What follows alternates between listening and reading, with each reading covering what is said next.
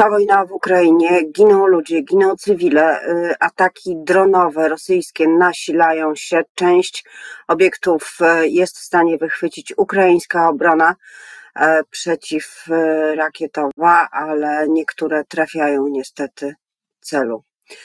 W Polsce, w Polsce także wojna, tu może jeszcze możemy postawić cudzysłów, wojna o media publiczne, po decyzji o postawieniu mediów publicznych w stan likwidacji e, wybuchła kolejna odsłona e, medialnych sporów, e, ale czy tylko medialnych?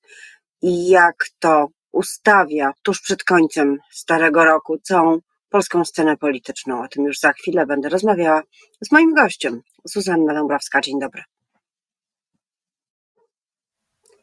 Moim gościem jest profesor Rafał Chwedoruk, polity, politolog z Uniwersytetu Warszawskiego. Dzień dobry. Dzień dobry. Bardzo nerwowa końcówka roku. E, pamiętam, że przed wyborami 15 października w sieci pojawiało się ze strony zwolenników mm, e, tak zwanej opozycji demokratycznej e, bardzo wiele pytań, co to będzie, czy PiS odda władzę, a może wyprowadzi wojsko na ulicę, o, na pewno nie będzie tak łatwo. Czy my mamy do czynienia z próbą odwrócenia wyniku wyborów, czy to jest tylko rzucanie kłód pod nogi nowej władzy i próba opóźnienia e, jej e, rzeczywistego zafunkcjonowania? No, możemy wiele krytycznych słów poświęcić polskiej y, polityce, no ale przy wszystkich swoich deficytach i y, słabościach szczęśliwie żyjemy w czasach, w których w Polsce zaprowadzenie jakiegokolwiek porządku autorytarnego byłoby y, niemożliwe. Niemożliwe nie tylko ze względu na brak akceptacji ze strony absolutnej większości społeczeństwa, ale niemożliwe także ze względu na coś, co zapewne towarzyszyło polskiej państwowości niemal zawsze, w wielu aspektach pewien bezwład y, instytucjonalny. Wreszcie także, jeśli spojrzymy sobie na, mm, w tym wypadku, nawiązując do, do treści wypowiedzi pani redaktor, na poglądy mm, funkcjonariuszy policji czy zawodowych mm, żołnierzy, to raczej prawica nie jest tam taką formacją, w której poglądy przeważałyby wśród osób przywdziewających y, mundury. To, co obserwujemy, oczywiście. Przepraszam, o ile to. O ile dobrze czytam to, co Pan powiedział, to nie ma próby odwrócenia wyniku wyborów, ponieważ ci, którzy ustępują, nie mają po stronie y, siły, czyli wojska i y, służb porządkowych i wszelkich innych policyjnych. Oczywiście nie jesteśmy w stanie wniknąć w, w intencje i myśli y, polityków i nie, nie można nikomu a priori zarzucać chęci prowadzenia takich stosunków. Możemy tylko mm, snuć wizję historii alternatywnej, y, co by było, y, gdyby. I to, co obserwujemy w ostatnich dniach, to w większym stopniu mm, zjawiska, które znajdują swoje źródła w sytuacji na prawicy. Prawo i Sprawiedliwość, mimo tego, że jest partią numer jeden w Sejmie, mimo tego, że wciąż jest główną siłą na prawicy, znalazła się jednak na krawędzi wielopoziomowego kryzysu. Kryzysu wynikającego zarówno z problemu sukcesji władzy w tej formacji, ale nade wszystko z utraty mm, władzy, mm, a także z ujawnionej struktury demograficznej, także struktury przestrzennej elektoratu, zresztą ujawnionej nie po raz pierwszy, ale w tym wypadku chyba w sposób mm, szczególnie wyrazisty, która mówiąc w skrócie utrudnia funkcjonowanie Prawa i Sprawiedliwości jako partii w najbliższych e, latach. I kierownictwo tej partii podjęło cały cykl działań. Zresztą można odnieść wrażenie, że jeszcze na długo przed formalną kampanią wyborczą tak się stało, które mają na celu konsolidację wewnętrzną tej e, formacji. Podjęcie na przykład bardzo radykalnych działań, czy głoszenie daleko idących e, treści powoduje, że każdy w obrębie takiej formacji musi się jakoś odnieść do narzuconego kierunku jeśli się z tym nie zgodzi, to dla PiSu jako formacji lepiej, żeby zerwał z nią teraz, a nie potem, na przykład w ogniu kolejnej kampanii wyborczej, która zresztą już za chwilę de facto się rozpocznie, więc mam wrażenie, że w tym wypadku troszeczkę forma politycznego spektaklu, którego głównym aktorem jest prawica, przewyższa, przewyższa treść. I oczywiście Persaldo nie służy legitymizacji polityki w ogóle, co w jakimś stopniu odnosi się też do niektórych działań ze strony nowego obozu władzy. No tak, ale jeżeli mówimy o mediach, y, mediach publicznych, y, które w ogóle jako media nazywane są czwartą władzą, to niestety przez ostatnie lata i chyba nie tylko zupełnie do końca przez ostatnie, może nie w tym stopniu, nawet na pewno nie w tym stopniu, ale media publiczne są instrumentem sprawowania władzy e, w Polsce. E, są jednym z instrumentów, jedną z instytucji, która e, stanowi o tym, czy się władzę ma, czy się jej nie ma. E, I w tym kontekście wojna o media jest w dużej mierze wojną o władzę, mimo że wybory się odbyły. W latach 90. na zupełnie innym rynku medialnym, też to dotyczyło nie tylko, nie tylko Polski, pluralizacja mediów w sensie form własności to jest tak naprawdę dopiero dzieło lat 70. i 80. XX wieku w świecie zachodnim, u nas siłą rzeczy dekadę czy, czy półtorej e, później. Posiadanie mediów publicznych czy kontrola polityczna nad nimi była kluczowa dla sprawowania władzy, co nie przeczy temu, że na przykład Sojusz Lewicy Demokratycznej potrafił wygrywać wybory, mając przeciwko sobie absolutną większość publicznych i, i komercyjnych mediów. Skądinąd tak się też stało swego czasu z PiSem. Dziś żyjemy w trochę innym świecie, innym społeczeństwie, gdzie niewątpliwie kontrola polityczna nad mediami publicznymi bardzo ułatwia sprawowanie władzy, ale nie jest to już tak znaczące jak w pierwszych latach polskiej transformacji. Dla Prawa i Sprawiedliwości wpływ na media publiczne jest dużo ważniejszy niż na przykład dla Platformy Obywatelskiej, choćby dlatego, że z wielu powodów ta formacja nie ma na przykład zaplecza wielkomiejskiej klasie średniej, nie odnajduje zbyt wielu sympatyków w świecie kultury czy mm, nauki, czy nawet wśród, wśród środowisk mm, nauczycielskich. Nie cieszy się także, to nie jest bynajmniej tylko polskim zjawiskiem, wielką sympatią w, w świecie mm, mediów, gdzie, gdzie poglądy liberalne w naszym przypadku zdają się być najczęściej spotykanymi, dlatego PiS y, musiał budować swoją siłę oddziaływania na świat zewnętrzny poprzez media publiczne, a w istocie robił to w sposób, jak się okazało, bardzo krótkoterminowy, sposób, który przyczynił się wręcz do, do izolacji tej partii, do mm, ograniczenia możliwości oddziaływania na inne grupy społeczne niż te, które ponadstandardowo często popierały Prawo i e, Sprawiedliwość.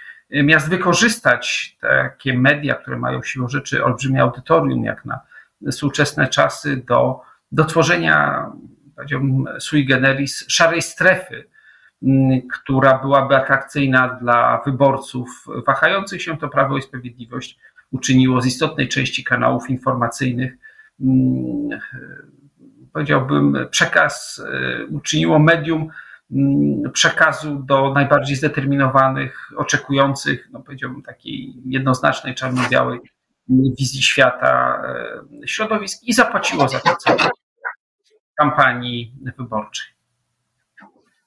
Coś w rodzaju oblężonej twierdzy, ale ten wizerunek jest teraz kontynuowany.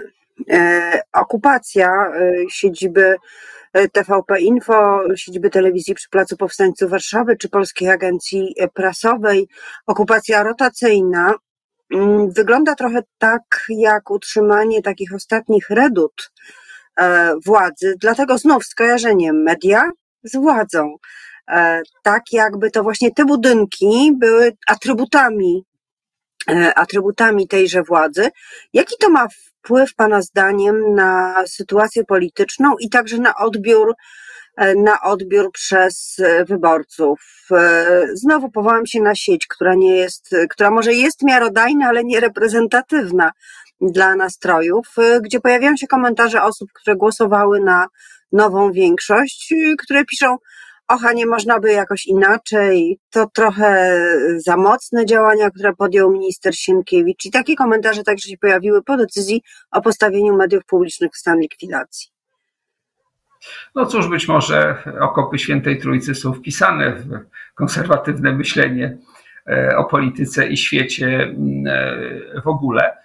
Prawo i Sprawiedliwość w istocie zdaje się bardzo dużo ryzykować, dlatego że sytuacja, w której wczorajsi poważni politycy, notable, dygnitarze i tak dalej, wprost z rządowych limuzyn mm, mają stać się, wysiadając z rządowych limuzyn, mają stać się nonkonformistycznymi buntownikami, budowniczymi barykad, uczestnikami ulicznych zadym, no to chyba jednak trudne do wyobrażenia, trudne do akceptacji przez wielu wielu wyborców. To jednak wymagałoby dłuższej drogi. Swoją drogą też niektóre środowiska e, dziś sprawujące władzę w początkach e, rządów PiSu po wyborach 2015 roku też trochę tego, tego doświadczyły.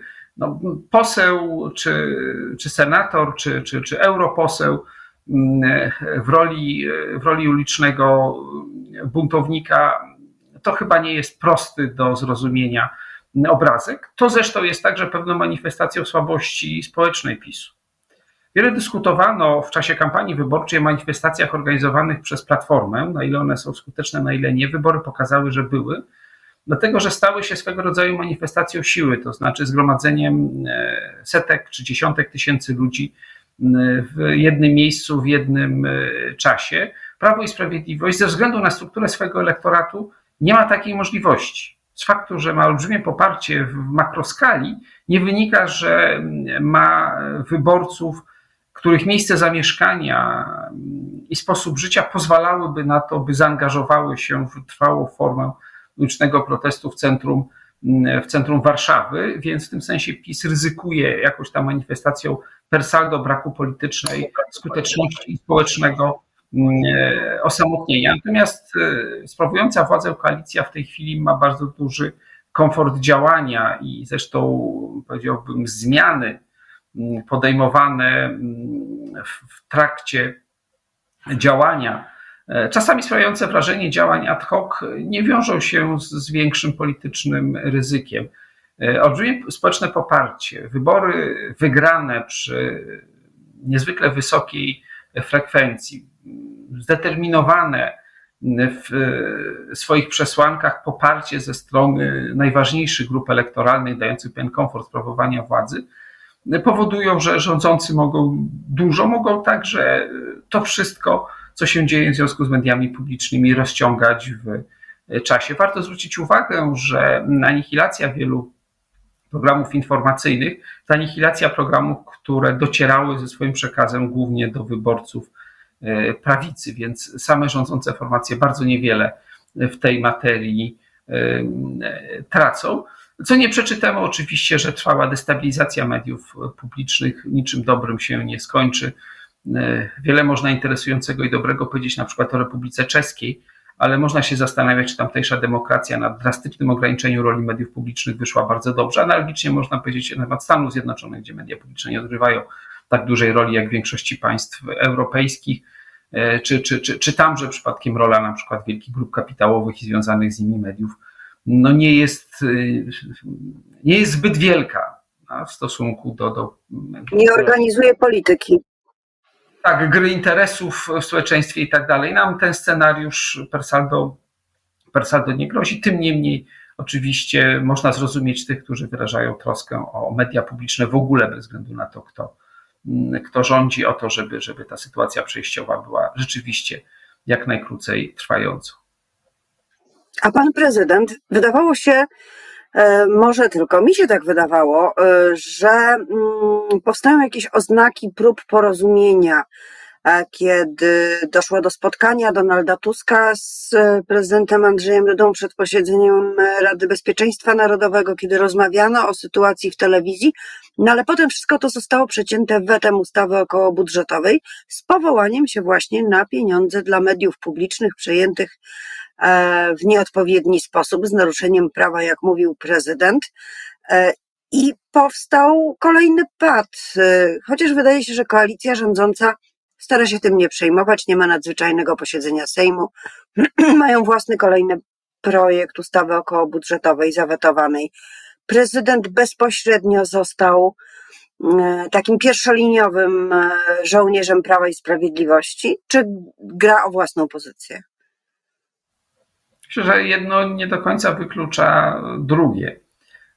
Bardzo znamienne jest to, że ośrodek prezydencki włączył się w ten konflikt jednak z pewną karencją czasową. Można się spodziewać, że wiele osób i środowisk na prawicy dokonując pewnego skrótu myślowego, niekoniecznie chciałby politycznie umierać za paskowego z TVP Info, by, by nawiązać do tego, co chyba było najbardziej spektakularnym aspektem dyskusji na temat kanałów mm, informacyjnych.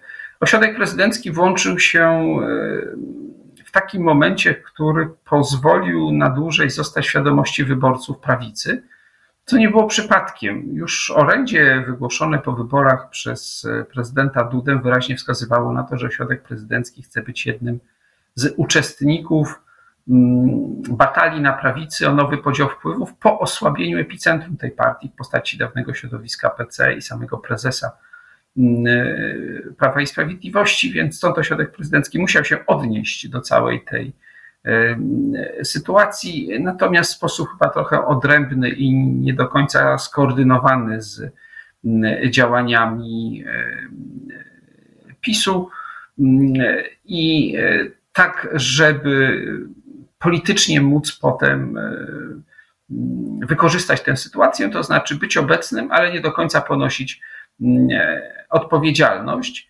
Nie sądzę też, żeby makiaweliczny w swoich przesłankach scenariusz doprowadzenia do kolejnych wyborów był serio traktowany przez kogokolwiek na prawicy, ponieważ biorąc pod uwagę wynik ostatnich wyborów, dynamikę sytuacji mm, społecznej, y, to wybory z całą pewnością zakończyłyby się dla prawicy dużo bardziej niekorzystnym wynikiem mm, niż, y, niż ostatnie i dały liberalno-lewicowej koalicji jeszcze, powiedziałbym, szerszą carte blanche y, na mm, działanie po, y, po wyborach. Więc myślę, że, że, że w tym wypadku mm, rozstrzygnie o wszystkim y, czas i topniejące możliwości kontynuowania protestu przez, przez prawicę, a nie mniej istotnym elementem publicznej debaty być może będzie to, jaki kształt media publiczne po,